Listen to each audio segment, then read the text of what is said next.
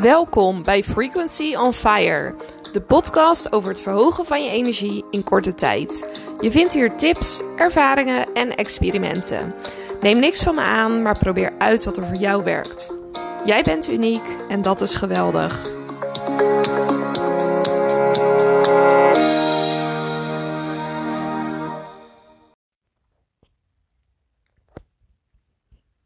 Hoi allemaal, leuk dat je luistert. Vandaag wil ik het hebben over jezelf pushen met mate. Nou, misschien is dit voor jou al echt gesneden koek dat je denkt, ja, wist ik al lang, maar ik wil toch even het erover hebben. Want dit is iets wat ik eigenlijk pas, nou, drie jaar geleden in de gaten had en daarvoor helemaal niet. Iedereen weet dat je zelf kan kiezen. Of misschien, uh, misschien is dat ook nieuw, dan is dat natuurlijk ook prima. Maar iedereen weet dat je zelf kan kiezen um, hoeveel je je in een onderwerp stort. Dus je kan je werk kan je 120% doen, dat je werkelijk alles geeft. Je kan het op halve kracht doen. Soms zie je mensen dat je denkt, doe jij überhaupt wel iets? Misschien doen die mensen het op 20%. En zo kan je zelf kiezen hoe je, hoeveel energie je ergens in stopt. Nou, dat, dat heb ik ook moeten leren, want vroeger deed ik alles of helemaal, um, of helemaal niet. Um, ja, en zo werkt het niet. En dat hou je ook niet vol als je alles op 100% doet. Dus dat heb ik echt moeten leren om dat anders aan te pakken en om meer mijn energie te verdelen. Uh, nu ben ik nog steeds wel zo dat ik het heel fijn vind om soms iets helemaal te doen of helemaal niet. Maar dat doe ik niet meer met alles. Dus nou, dat was alvast les nummer 1 die ik heb geleerd. Dat was hartstikke nuttig. Uh, maar wat ik heb geleerd, sommige mensen die weten wel dat ik in India ben geweest. Ik ben er ongeveer drie maanden geweest voor een hele intensieve Ashtanga yoga opleiding. Ashtanga is een hele fysieke, uitdagende vorm van yoga. Dus als je dat moet doen, die opleiding die was uh, twee maanden, 500 uur. Dus dat is meer uur dan dat je in een werkweek zou maken per week. Um, ja, dat kan je niet 100% doen. En ik had daar dus nog nooit op die manier over nagedacht. Ik dacht, wow, ik, ga, ik heb de kans om naar India te gaan. Ik heb de kans om daar yoga te leren. Hoe fantastisch is dat? Hoeveel geluk heb ik wel niet dat ik dat zomaar mag doen? Ik was super dankbaar. Ik was heel blij dat ik dat mocht gaan doen. Kon gaan doen, had geregeld om te doen. En ik gaf daar alles wat ik had. Nou, ik kan je vertellen, dat is uh, niet nodig en dan hou je het ook absoluut niet vol.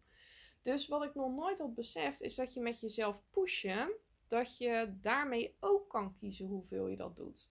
Want ondanks dat ik dus inmiddels wel wist uh, hoe ik mijn energie kon verdelen, gewoon in het dagelijks leven en dat soort dingen, was het met mezelf pushen nog steeds zo dat ik mezelf of heel hard pushte, echt tot het uiterste, of ik pushte mezelf niet en ik deed gewoon wat ik deed. Gewoon op de energie die me logisch leek en klaar. Nou, daar pushte die leerkracht, die pushte ons super hard. Dat moet ook wel, want als je dat doet, je bent zes dagen in de week, het was dan zes dagen in de week, ben je bezig met yoga, meditatie, ademhalingsoefeningen. En het is een hele zware vorm van yoga. Daarnaast kregen we allemaal armoefeningen, buikspieroefeningen, om maar te zorgen dat we sterk genoeg zouden zijn om die houdingen uit te voeren. En als je dat allemaal doet, dan doet alles doet zeer, constant, want het is gewoon te veel om te herstellen. Je kan in die ene dag kan je niet herstellen. Dat, dat kan gewoon niet. Um, en dat twee maanden lang, dus dat was heel heftig. Het is het moeilijkste wat ik ooit heb gedaan en het is ook het beste wat ik ooit heb gedaan. Um, maar behalve dat die leerkracht ons pushte, pushte ik mezelf ook nog. En dat werkte nou gewoon niet. Dus de eerste maand was uh, Ashtanga serie 1. Dus voor mensen die dat kennen, dat is de, ja, de serie die eigenlijk iedereen beoefent. En dan heb je nog uh, een aantal gevorderde series. En ik ging dan ook voor serie 2. Nou, mijn lichaam was nog niet klaar voor serie 2. En de leerkracht had gezegd: Nou, het geeft niet. Als je wil, mag je dat gewoon doen. En in de hele traditionele vorm van Ashtanga is het zo dat je eerst van serie 1 alles tot in de puntjes moet beheersen. En daarna mag je pas verder naar het volgende level. Dat was hier niet het geval. Die leerkracht die zei, nou als je dat graag wil, dan mag je dat van mij gewoon doen. Ik ben daar zo dankbaar voor en dit was zo awesome. Want omdat ik dat mocht doen, heb ik alle spanning die in mijn rug zat, heb ik los kunnen krijgen. Ik wist dat van tevoren niet, maar alle spanning die je hebt, allerlei emoties die je hebt, slaan zich op in je rug. Dan gaan je rug, je schouders gaan dan op een bepaalde manier een beetje vastzitten soms. En daar gaan die onverwerkte emoties dan zitten. Nou, ik had van alles meegemaakt. Ehm, mijn vader die was onverwacht overleden. Die heeft zelf een eind aan zijn leven gemaakt. Dat was heel heftig.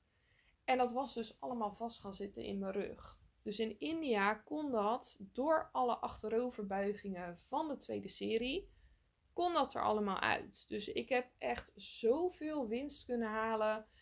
En in serie 1, omdat serie 2 daarbij helpt. En gewoon überhaupt in mijn leven, doordat ik dus serie 2 mocht doen. Dus nou, dat was fantastisch. Nog weer los daarvan. Um, er waren maar vier mensen, waaronder ik in totaal, die allebei die series gingen doen. Dat je twee maanden dat doet, dat doet eigenlijk bijna niemand, want dat is zo intens, zo heftig. Ja, dat, dat gebeurt gewoon niet zoveel. Dus die groepen mensen veranderden. Dus met serie 1 waren we met superveel mensen, waren we met ongeveer 40 mensen. De liefste, leukste mensen die je kon bedenken. En voor serie 2 waren we nog over met z'n vieren en kwamen er nog een aantal nieuwe mensen. Dus waren we met z'n tienen. Nou, in die eerste week, oef, ik dacht, wat gebeurt hier? Het leek Cirque du Soleil wel. Uh, de, nou, ik kan niet eens beschrijven. Het leek werkelijk Cirque du Soleil wel. Ik dacht, hoe ga ik ooit dit doen? Ik kon van al die houdingen, ik kon er werkelijk geen één. Um, het was me echt een beetje veel. Alles deed super veel zeer nog van die weken lang serie 1 dag en nacht uh, oefenen.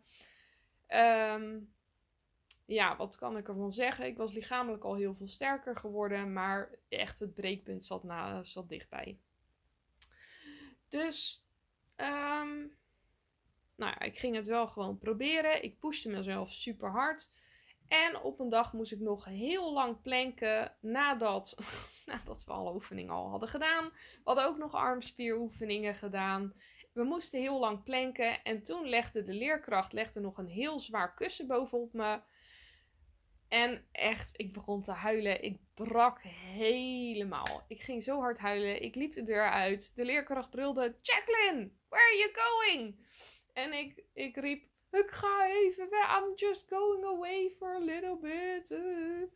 Nou, toen ging ik met iemand praten van: Joh, kan je alsjeblieft eerlijk tegen me zijn? Dat was een assistent daar. En ik wist dat zij bloed eerlijk was. Op het pijnlijke af. En ik vroeg aan haar: Ik zei: Joh kan je me vertellen, is dit voor mij gewoon te moeilijk? Moet ik hiermee stoppen? Is dit iets, zijn dit dingen die ik ook gewoon nooit ga leren? Of denk je dat ik, als ik gewoon maar door blijf gaan, dat het wel kan? Toen zei ze, nou, je moet gewoon doen wat goed voelt. En je kan hier gewoon blijven. Je kan het gewoon op halve kracht doen. En dat geeft allemaal niet. Uiteindelijk heb ik echt eh, een paar dagen zitten huilen. Uh, denk twee hele dagen. Een super lieve vriendin vandaar, die kwam ook nog naar me toe. En daarna ben ik verder gegaan. Maar het gekke was, daarna was alle spanning die in mijn rug zat, die was weg. En toen kon ik opeens veel van die oefeningen wel. De leerkracht is daarna nog naar me toe gekomen en die zei: Joh, ik zie wat je doet, maar je moet niet alles 100% doen, want dat is gewoon, het is niet goed is niet goed voor je lichaam. En consistentie is veel belangrijker dan dat je het allemaal heel hard doet. Je kan gewoon misschien op 60% gaan zitten. Als je jezelf pusht voor 60%, dat is gewoon genoeg. Dat is gewoon prima. Tot die tijd was dit nog niet in me opgekomen. Ik wist wel van ja, je kan dingen helemaal doen of helemaal niet. Maar met jezelf pushen is dat dus eigenlijk precies hetzelfde. En dat zag ik al wel met die leerkracht, want die pushte ons heel hard, maar nooit te ver. En omdat die grenzen bij iedereen anders liggen, is dat echt een kunst op zich. was ook daarvoor, voordat ik naar India ging, was ik daar best wel bang voor. Want Ashtanga yoga is een heel rigide vorm van yoga. Je doet elke dag doe je precies dezelfde houdingen. En het is de bedoeling dat je het ook op een hele specifieke manier doet. En het aanpassen daarin is heel moeilijk. Want een goede leerkracht pas je heel krachtig aan, zodat je voelt waar je lichaam naartoe mag werken. En omdat je het dan een keer gevoeld hebt, wordt het steeds makkelijker om die houding zelf te doen. Maar als een leerkracht je te krachtig aanpast, dan is de kans op een blessure gewoon heel groot. Dus ik ken ook best wel wat mensen die daardoor blessures hebben opgelopen. En dat was best wel een angst die ik had toen ik daarheen ging. Maar die leerkracht die keek zo goed naar mensen, die wist gewoon van zover kan ik ze pushen en daarna niet. Dus die zei ook regelmatig tegen mensen van ja, jij gaat die houding ga je nu vandaag even niet doen. Of ehm, tot hier en niet verder. Stop maar, ga jij maar even uitrusten, dat soort dingen. En ik vond het zo bijzonder om te zien, want het is zo'n kunst om te weten hoe ver je kan gaan. En ik heb daar dus behalve mijn grenzen ook geleerd dat pushen dat dat niet een kwestie is van je doet het wel of je doet het niet. Maar het is ook een kwestie van je kan het een beetje doen. En daarna besefte ik eigenlijk dat ik dat in mijn dagelijks leven ook deed. Of ik pushte mezelf hard of ik pushte mezelf niet. En dat is niet nodig. En als je lange termijn doelen wil halen, dan is het eigenlijk heel handig als je jezelf op sommige dagen, misschien al is het maar 20%, 20% pusht. Dus dat je toch door blijft gaan. voor lange termijn doelen is het veel belangrijker dat je rustig door blijft gaan dan dat je hard en snel en te ver gaat. Het kan ook handig zijn hoor, als je soms in één keer heel veel doet van iets. Maar als je langzaam door blijft gaan voor dingen die echt moeilijk voor je zijn, dan kom je uiteindelijk kom je veel verder uit. Dus dat was iets wat ik met jullie wilde delen. Misschien is dat een idee wat je zelf al hebt gehad. Misschien is het een nieuw idee. Dat is ook allemaal goed. En ehm, ja, ik zou dus zeggen, push jezelf maar met mate. En het is ook niet altijd nodig om jezelf te pushen. Sommige dingen die mogen ook lekker vanzelf gaan. Dat is gewoon hartstikke goed.